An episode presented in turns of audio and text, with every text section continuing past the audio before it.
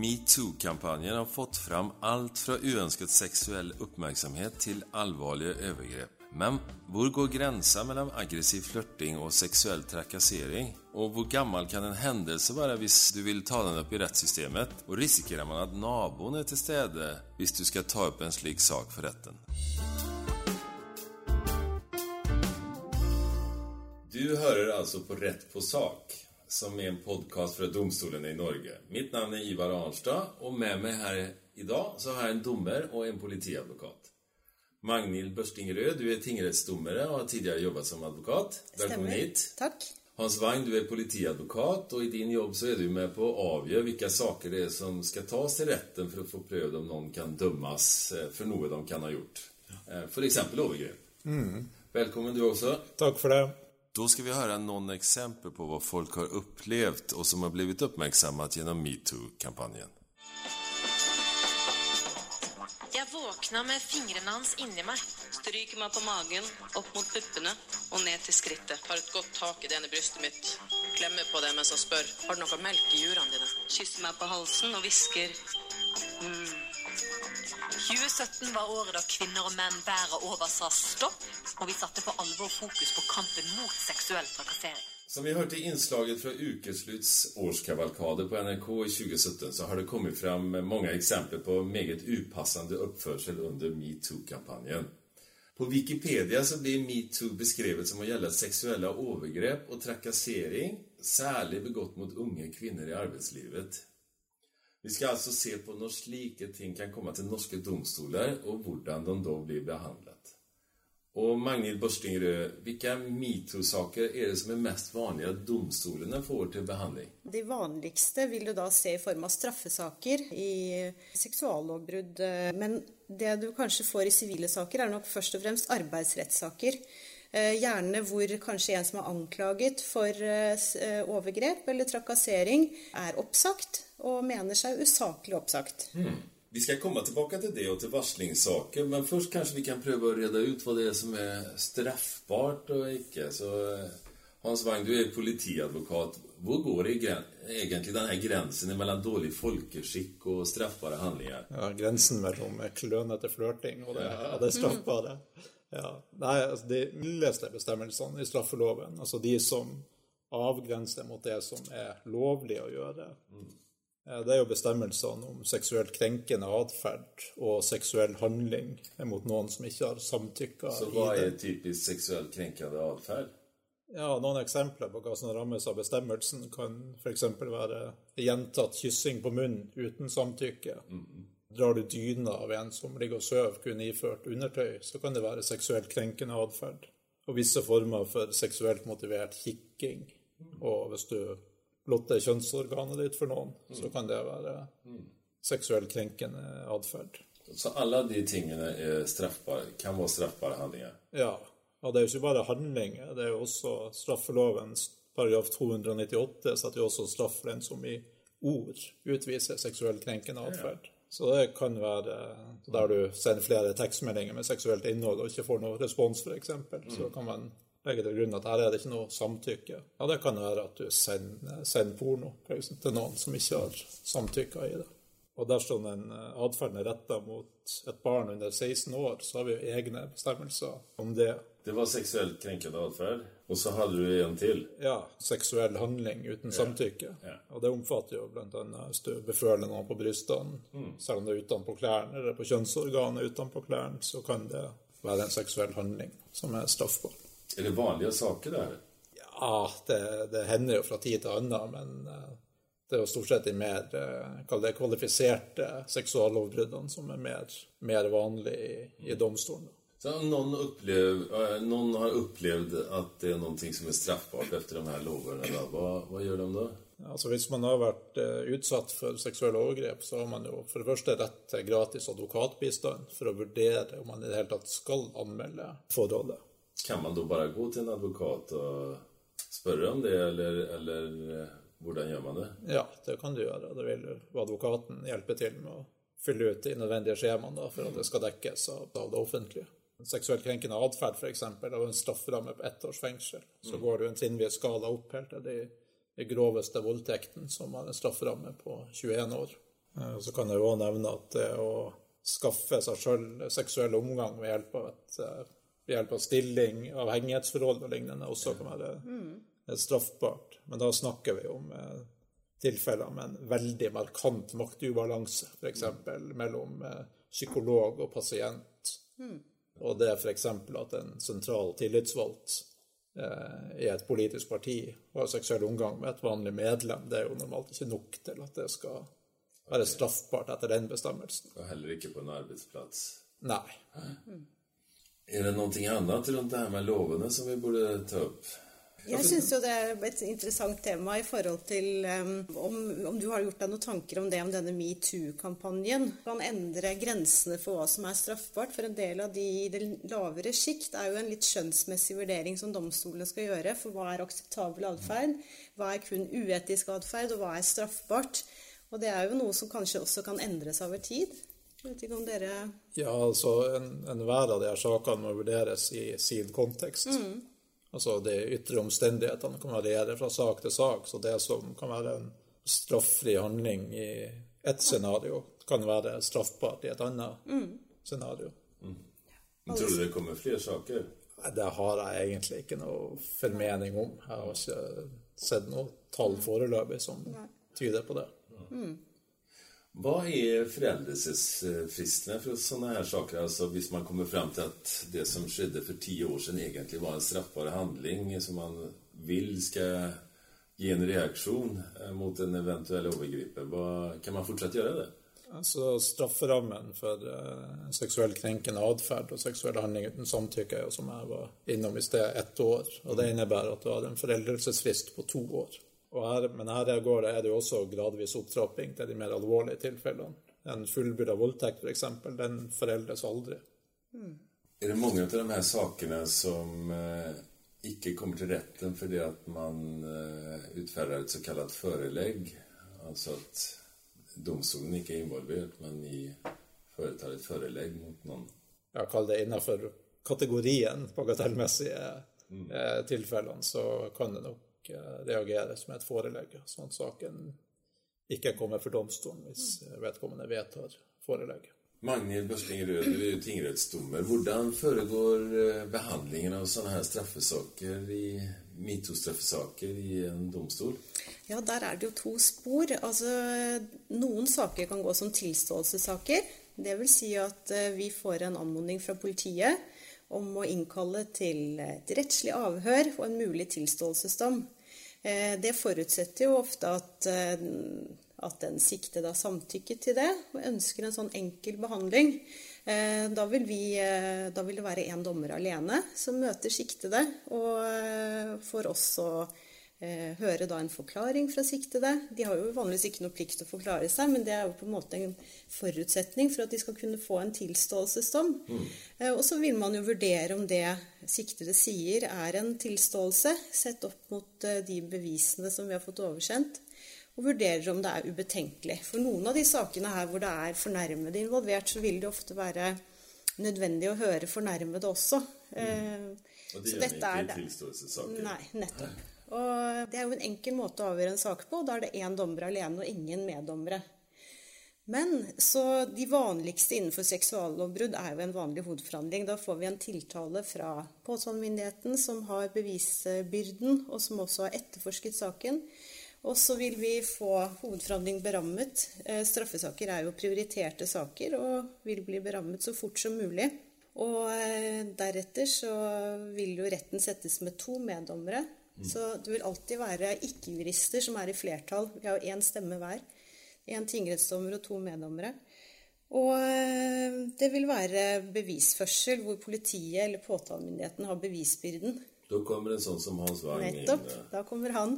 Da er det jo sånn at enhver rimelig og fornuftig tvil skal jo komme tiltalte til gode. Eh, Det vil si at det er ikke nok at, at man finner det 90% sannsynlig at, at tiltalte er skyldig. Vi må være helt sikre. Mm. Det er jo også helt grunnleggende dette med kontradiksjon hvis det blir en hovedforhandling. Det vil jo ofte si at man eh, har vitner, fornærmede må møte og forklare seg i retten. Og ikke minst en forsvarer. Da, som Ikke minst en forsvarer. Ja. Interessene til den som er tiltalt. Ja. Så mm, da kommer man jo inn i en sånn veldig regelstyrt prosessregler som vi har, som skal ivareta rettssikkerheten til tiltalte. Så da går det enten som en tilståelsessak, eller så går det som en såkalt hovedforhandling i en straffesak. Da. Ja, stemmer. Hans Wang, är det sånn at eh, den fornærmede må anmelde en sak for at ni skal kunne behandle den? Nei, det trenger ikke være sånn. Eh, Det kan f.eks. være andre som anmelder det. F.eks. ledelsen i en bedrift som har mottatt en varslingssak, som ser at her kan det være straffbare forhold, så kan de anmelde det. Og påtalemyndigheten kan også av eget tiltak iverksette etterforsking. Hvis det kommer frem opplysninger som gir grunn til å tro at det kan være snakk om en straffbar handling. F.eks. mediedekning av en sak, som vi også har sett nylig at det har skjedd. At påtalemyndigheten har beslutta at det skal iverksettes etterforskning. Og det, og det er heller ikke noe vilkår for straffeforfølging at fornærmede sjøl ønsker det. Det er det man kaller for ubetinga offentlig påtale for de aller fleste lovbrudd. Men om vi skal oppsummere denne delen da, som handler om straffesaker, så, så er det altså sånn at dårlig folkeskikk det trenger jo ikke å være straffbart, da. Ikke sant? Nei, jeg, jeg vil vel si, jeg har jo hørt det i, i debatten, da, at eh, nå går det ikke an å flørte lenger og sånn, men jeg, jeg tenker at hvis du ikke greier å holde deg innafor det som er skissert nå, så bør du kanskje revurdere hele, hele flørtinga. Altså. For det syns jeg er ganske relativt intimitetskrenkende, det som den nedre grensa for det straffbare. og tafse på noen det er absolutt en, kan være en straffbar handling. Ja. Og også uønsket og plagsom aktuell oppmerksomhet. Da. Det kan også være straffbart. Så har vi forstått da også at det her, når de her sakene behandles i domstol, så er det stor grad av sånn her kontradiksjon. At man skal få fram eh, Man skal vite hva motparten har sagt, og man skal få ytre seg om det. Og vi har også hørt at om det er voldtekt og sånn, så er det ingen foreldelsesfrist. Men om det er mindre saker, så er det, har man to år på seg. ja, de mildeste bestemmelsene, der er det to år foreldelse. Straffeloven paragraf 297 seksuell handling uten samtykke. Med bot eller fengsel inntil ett år straffes den som foretar seksuell handling med noen som ikke har samtykket i det. Det er jo en del saker her da, som rammes av straffeloven, men likestillingsloven har den også noen paragrafer som eh, er aktuelle her. Ja, den har jo vært nevnt i, i metoo-debatten, også likestillings- og diskrimineringsloven. Eh, Men der er det en, det er en straffehjemmel i loven, men det er en veldig snever adgang til å, til å reagere med straff. Og det er kun diskriminering som er begått pga. etnisitet, religion eller livssyn. Sånn at den seksuelle trakasseringa rammes ikke av straffebestemmelsen. Den kan rammes av en annen bestemmelse som gir krav på erstatning og oppreisning. Og i den anledning har det jo vært nevnt at loven har regler om delt bevisbyrde. Eller noen omtaler det som omvendt bevisbyrde, men det er en delt bevisbyrde. Som innebærer at man kan ilegge erstatning hvis det foreligger omstendigheter som gir grunn til å tro at diskri- diskriminering har skjedd, eh, og den ansvarlige ikke kan sannsynliggjøre det motsatte. Men de var understreke at eh, sånn regel om omvendt bevisbyrde gjelder ikke i verken straffebestemmelsen i likestillingsloven eller de straffebestemmelsene som, som jeg har gått gjennom i straffeloven. Der er det vanlige krav om de beviskrav og den bevisbyrde som eh, Magnhild eh, nevnte. Så da kommer vi inn på sivile saker. Ja, det stemmer. Så der er det en omvendt bevisbyrde etter likestillings- og diskrimineringsloven for den eh, som da krever oppreisning eller erstatning, som mener seg utsatt for det. Og den loven gjelder jo på hele samfunnsområdet, ikke kun på arbeidsplasser, men egentlig generelt. Hvis du er på et jobbintervju eller du på andre måter føler deg diskriminert eller utsatt for seksuell trakassering i en eh, slik grad at du krever oppreisning eller erstatning, så er det en omvendt bevisbyrde da, for den som er antatt overgriper, for å kalle det det. Den som blir saksøkt. Det er jo et stort skille da mellom straffesaker og sivile saker. Og, og de her sivile sakene går mellom to parter, og politiet er ikke involvert. Eh, men hvordan starter man en sånn sak, da? Ja, altså eh, Det er jo eh, mange sivile saker de må starte i forliksrådet, som er en instans i hver kommune. Kan det også gjelde innenfor metoo-saker? Um, er nok ikke så vanlig, Uh, fordi at um, Jeg vil jo si at i sivile saker så vil vel ofte metoo-saker komme opp Enten i form av en arbeidstvist gjennom arbeidsmiljøloven, og der er det, hvis det er snakk om eh, noen som mener seg usaklig oppsatt etter anklager f.eks. om seksuell trakassering på arbeidsplassen, så er det saker som ikke starter i forliksrådet, men som starter direkte i tingretten. Men det er jo vanlig før man starter en sivil sak, å inn og så varsle om at man har tenkt å gjøre det. Det kalles prosessvarsel. Ja, Det er eh, det vanligste. Og så sånn det har jo vært ofte kontakt mellom partene på forhånd. Og klart, er det en arbeidstvist, så vil det også ofte være forhandlingsmøte mellom partene på forhånd. Så jeg, jeg, vil jo tenke meg at de fleste sakene ser vi ikke i domstolene. Men så er det jo noen, da, for her gjelder det jo full avtalefrihet mellom parter. Mm. Så er det jo noen saker hvor, hvor man ikke kan bli enige, som ender i domstolene. Og da tar man ut en stevning, heter det. Det er jo rett og slett et skriv hvor man eh, angir hva man mener har skjedd. Eh, hvilke bevis vil man føre for, eh, for påstanden sin. Og man vil også gjerne gjennomgå noe av de rettslige argumentene i loven for at, for at man skal få medhold i sin påstand. Til slutt så nedlegger man en påstand, som det heter. Og her i disse metoo-sakene så vil jeg jo typisk tenke at det er noen som mener seg usaklig oppsagt. Påstanden kan være at de vil ha tilbake jobben sin, eller kreve erstatning for usaklig oppsigelse. Mm. Men om noen er utsatt for noe innenfor metoo, ja. eh, så da er det ikke like aktuelt med en sivil? Eh, da kan man jo også kreve oppreisning eller erstatning hvis man mener seg utsatt for uh, uønsket seksuell oppmerksomhet. Mm. Som en sivil sak. Mm. Det kan man også. Økonomisk erstatning? Ja, rett og slett penger. et pengekrav, som vi kaller det mm. i jussens verden. Og da er det jo vanlig at man starter i forliksrådet hvis tvistesummen er under 125 000. Mm. Men unntak kan være hvis man da begge parter har vært bistått advokat på forhånd. Men trengs det sånn legeerklæringer og sånt? For altså, det er vanskelig å sette opp ja. det mot et økonomisk mm. beløp. Ja, det kan du si. Men hvis du krever oppreisning, så kreves det ikke nødvendigvis at du har hatt et litt et økonomisk tap. sånn at Du må ikke nødvendigvis dokumentere det. Men det er, eh, det er ikke uvanlig at eh, man i de sakene her også innhenter Eller at partene legger fram legeerklæringer som skal vise belastningen det har vært. Ehm, men det er jo ikke noe vilkår. Men det er klart at eh, i en sivil sak, det største som skiller straffesaker og sivile saker, er at for det første så er det jo dette med beviskravet. Mm. Altså vi som dommere skal jo bare legge til grunn det som er mest sannsynlig har skjedd. Det er jo I utgangspunktet. Ja. Sånn at eh, det er jo to i utgangspunktet likebyrdige parter mm. som, eh, har, som argumenterer og fører bevis for sitt syn. Og så må jo vi prøve å finne ut hva er det som er mest sannsynlig. Mm. Men så har du noen regler eh, som snur på denne bevisbyrden. For vanligvis er det den som går til sak, og som krever noe, om det er penger eller dom for at du er usaklig oppsagt, som har bevisbyrden. Men så har du noen eh, bestemmelser i loven hvor eh, Stortinget har funnet ut at her må dette reguleres. Og det er ikke så ofte, men vi har det bl.a. i arbeidsmiljøloven.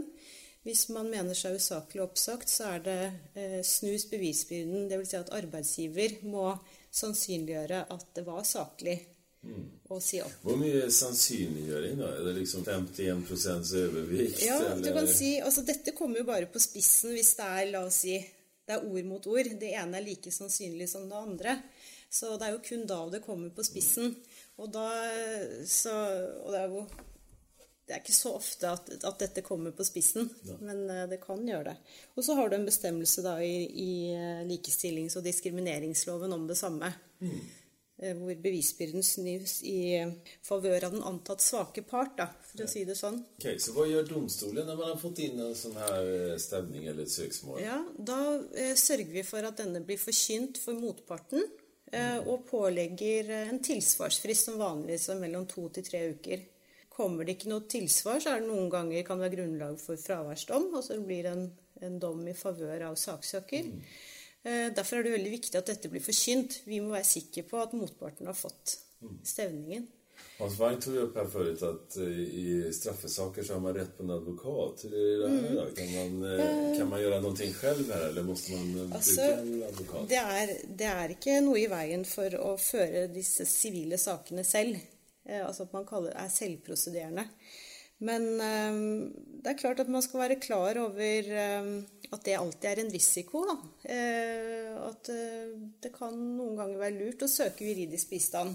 Fordi at man, Taper man en sivil sak, så kan man risikere å bli idømt motparten sine saksomkostninger. Så hvis motparten da bruker advokat, så har man alltid en økonomisk risiko ved å kjøre en sivil sak.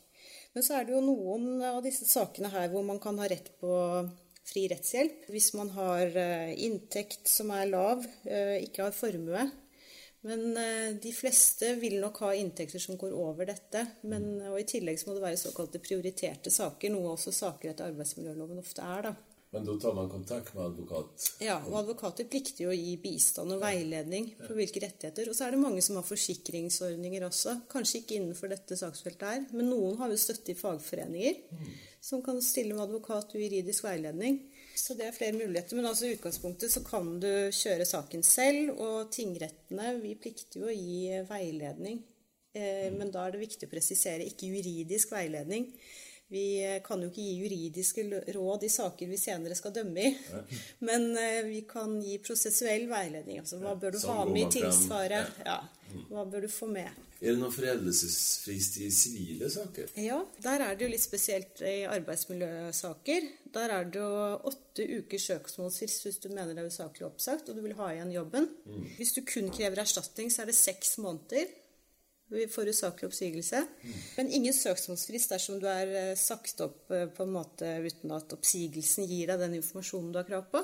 Ellers Eller så gjelder det en alminnelig foreldelsesfrist på tre år eh, i, i, ved pengekrav. Men dette kan jo da endres bl.a. Hvis det er et krav som kommer, erstatningskrav eller oppreisningskrav som følge av en straffesak, så er det ett år etter straffesaken er rettskraftig avgjort, så du kan eh, fremme et krav. Hvis det da ikke ble med i straffesaken.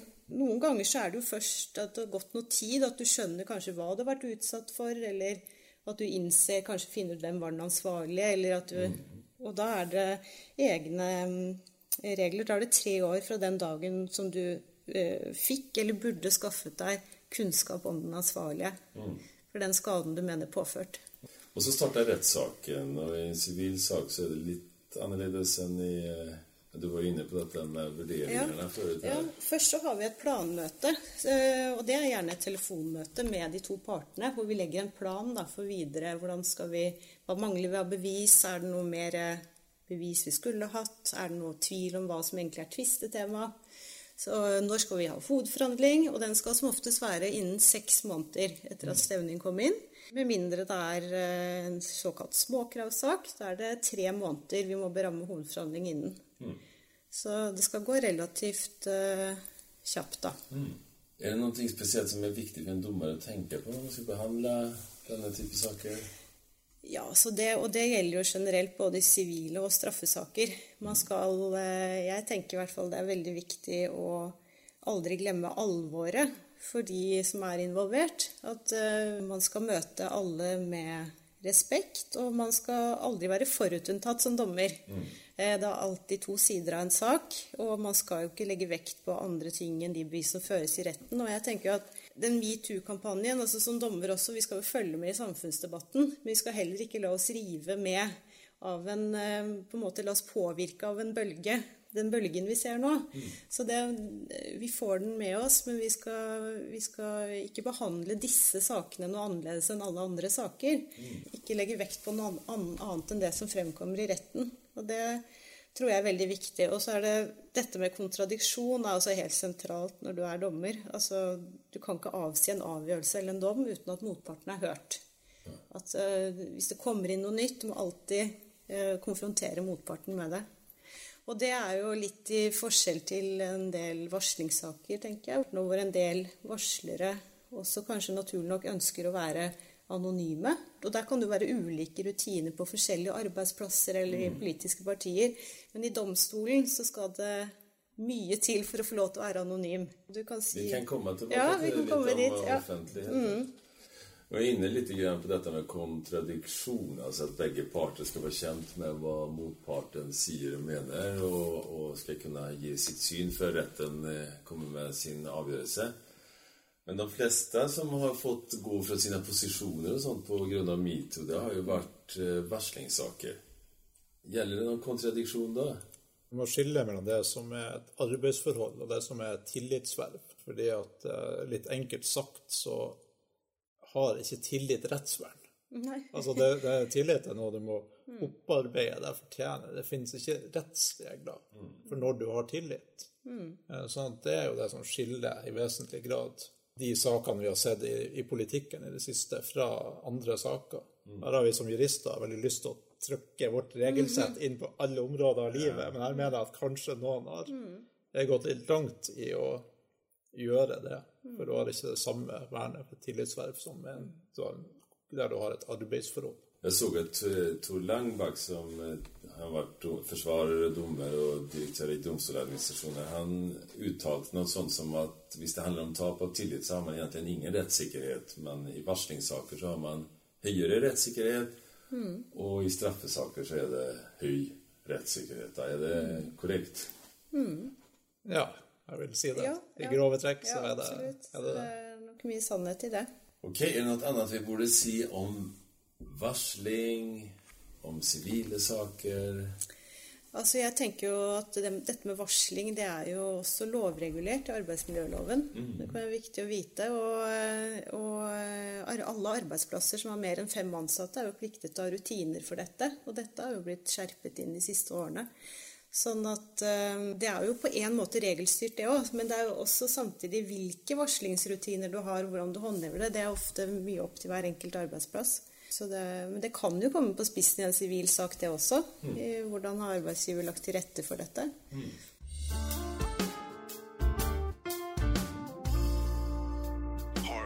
Weinstein. Harvey Weinstein. Harvey eh, Weinstein.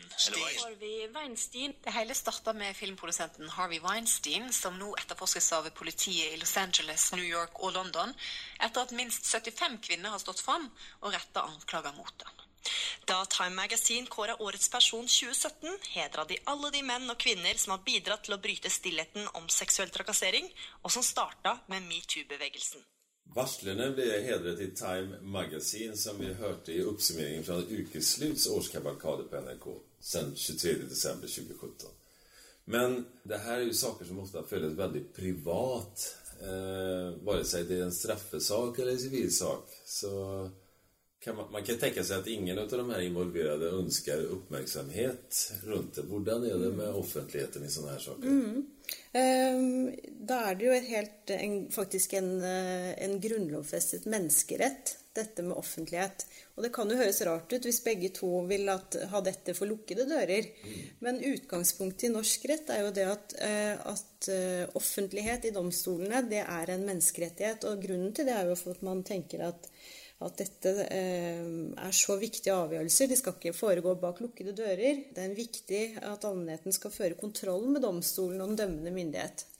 Sånn at eh, Det står faktisk i Grunnlovens paragraf 95. Men så, så er det som du sier at det kan gjøres unntak der hvor det er spesielt personlige ting som skal tas opp, og, og hensynet til privatlivets fred tilsier f.eks. lukkede dører, eller at deler av dommen unntas fra offentlighet. Gjelder Men jeg- dette både i straffesaker ja, og sivile det, saker? det gjør det. Men jeg vil si at det er unntaket. Som hovedregel er det jo først og fremst barnevernssaker, eh, utskriving fra tvungen psykisk helsevern, eller foreldretvister, mm. eller der hvor ektefeller eh, er uenige om fordelingen og formuen etter samlivsbrudd. Det er gjerne der man lukker dørene, eller der skal man lukke dørene som hovedregel. Men det skal mye til ellers. Og så er, ellers så er det jo Betyr det da at naboer og arbeidskamerater Ja, kan følge, i prinsippet kan de det. Mm de kan lese De kan- avgjørelsen etterpå? Det kan de. Eh, nå er det sånn at avgjørelsene de, Noen publiseres på Lovdata. Da vil de alltid være i anonymisert form. Men hvis du møter opp på, på tinghuset og, og har et saksnummer, så kan du i utgangspunktet få, få innsyn i dommen.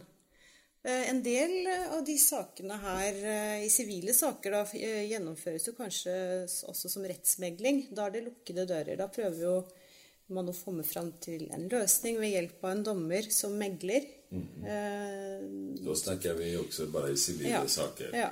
Men der også i utgangspunktet er det jo sånn at blir det et rettsforlik, så er jo protokollen og selve rettsforliket offentlig som hovedregel. Mm. Så om man ikke orker en sånn oppmerksomhet, hva gjør man da? Jeg, skal, jeg ser ikke bort fra at, eh, at eh, vi nok ser At vi hadde nok sett mer av disse sakene i domstolene. Kanskje. Er du enig i det? Eh, Altså? altså, jeg tror det mye, mye løser seg ved avtale mellom parter. For jeg, det er nok en stor belastning for flere å gjennomgå en sånn sak i offentlighet. Mm. Ja, jeg tror nok vi ville sett flere, flere straffesaker også hvis det hadde vært uh, unntatt fra offentlighet. Og det kan jo hende at denne metoo-kampanjen som har vært, gjør at flere tør å, å stå fram med sine opplevelser. Det Ja. ser jeg ikke bort fra. Jeg Tror ni at det blir flere saker? Ja, det vil tiden vise. I hvert fall nå har jeg en følelse av at det er flere som tør å fortelle om sine opplevelser enn før. Man ser jo at det har endret folks holdninger og Ja. påvirket. Men kan det også være sånn at den som blir tiltalt eller inne i en sivil sak her nå, har, eh, vil ha vanskeligere enn hva du hadde for et år siden. Jeg håper jo ikke det. Og det er jo det som er den viktige jobben til oss eh, dommere. Å, prøve ikke la oss påvirke av sånne bølger, da. Eh, Det håper jeg ikke. Det er jo også en utfordring som påtalemyndigheten å være oppmerksom på, at man Mm. ikke endrer noen form for praksis Mm. eh, eller de kravene som er satt når vi skal ta ut tiltale, Mm. bare fordi at man opplever et press fra samfunnet for øvrig. Samtidig så er vel dette eller alt som har med seksuallovbrudd å gjøre, er vel prioriterte saker, eller er det Nei, det er jo det groveste seksuallovbruddene. Ja, og det har det jo vært før metoo. Ja det har ikke noe med metoo å gjøre, egentlig. Nei, Nei. det har vært sånn lenge. Ja. Så ni tror og håper at det ikke blir noen endring i Det skal jeg ikke si noe om. Men jeg, jeg håper i hvert fall ikke at dommere, om det nå er jurister eller påtalemyndigheten eller eh, lekdommere, lar seg påvirke til å vurdere bevis annerledes enn før. Det håper jeg virkelig ikke. Er det noe annet som ni syns vi skal ta opp innan vi avslutter denne podcasten? Det var jo kanskje én ting vi ikke har vært innom, og det er jo det med ærekrenkelser. Mm. Er det straffbart perspektiv, da? altså Det er jo ikke Mm. straffbart lenger. Eh, Dette med Det var det. ærekrenkelser. Mm. Men det kan jo ja, ikke sant? Vi kan tenke oss en situasjon der hvor eh, noen mener seg uriktig anklagd for seksuallovbrudd. Mm. F.eks. at noen poster ting på sosiale medier. Ja. Ikke sant? Henger ut eh, andre. Eh, For det har vi jo sett mye av i Hollywood, i hvert fall. Eh, og da er det jo sånn at eh, den som da mener Da, det, da snur det jo i for seg hvem som er fornærmet. eh, Mener seg uriktig anklagd. De kan jo kreve en erstatning og oppreisning i utgangspunktet. Men der har vi også en liten spesialregel i skadeerstatningsloven som eh, som, eh, og egentlig i straffeloven, som, som gjør dette verre. For at Stortinget og lovgiver har jo sett behovet for at, å beskytte også de som mener seg eh, utsatt. Mm. Så hvis du har anklaget noen i en anmeldelse, eller du har um, betrodd deg i fortrolighet til noen om at du har vært utsatt for noe, så kan du ikke bli møtt med et erstatningskrav av den som mener seg uriktig anklaget. Men det er klart, poster du noe på sosiale medier, så, så er det jo noen som kan eh, eh, Hvis noen da mener seg uriktig anklaget, reise en erstatningssak. Krav om oppreisning. Selv om det ikke er straffbart å ærekrenke lenger. Ja, og det med ærekrenkelser kan jo òg komme inn eh, Jeg sa jo i sted at eh, tillit knytter ikke noe rettsvern. Men det er klart hvis et parti f.eks. uten at det er gitt anledning til kontradiksjon og imøtegåelse, kan jo risikere at hvis man kommer til en offentlig konklusjon om at det og det legger vi til grunn har skjedd, så kan man kanskje bli møtt med et ærekrenkelsessøksmål. Men når det er sagt, så vil jeg si at det er veldig sjelden. Jeg, jeg har i hvert fall i min tid eh, som jurist og dommer ikke opplevd det ennå. Men jeg har ikke noe statistikk på det. Nei, men jeg tenker at det er kommet, det er kommet opp i dagen nå, som Ja. en, eh, i, i anledning metoo og det som har skjedd i de Ja. politiske partiene. Så vi kan kanskje se at Kan komme noe. det er en problemstilling som kan dukke opp. Mm. Det er i hvert fall aktuelt tema som kommer til kanskje å endre en del. Eh, vi får se hur det går, hur mange saker det kommer til domstolen. Vi takker tingsrättsdommer Magnhild Børstingerød og politiadvokat eh, Hans Wang for at ni har medverket i denne podcasten fra domstolen i Norge. Vi har jo også laget podcaster om saker mot eh, Jensen og Cappelen, og om domstolenes uavhengighet og om hurtigdomstoler. Og får gjerne dele denne podcasten på sosiale medier, og så håper vi at du lytter på oss igjen.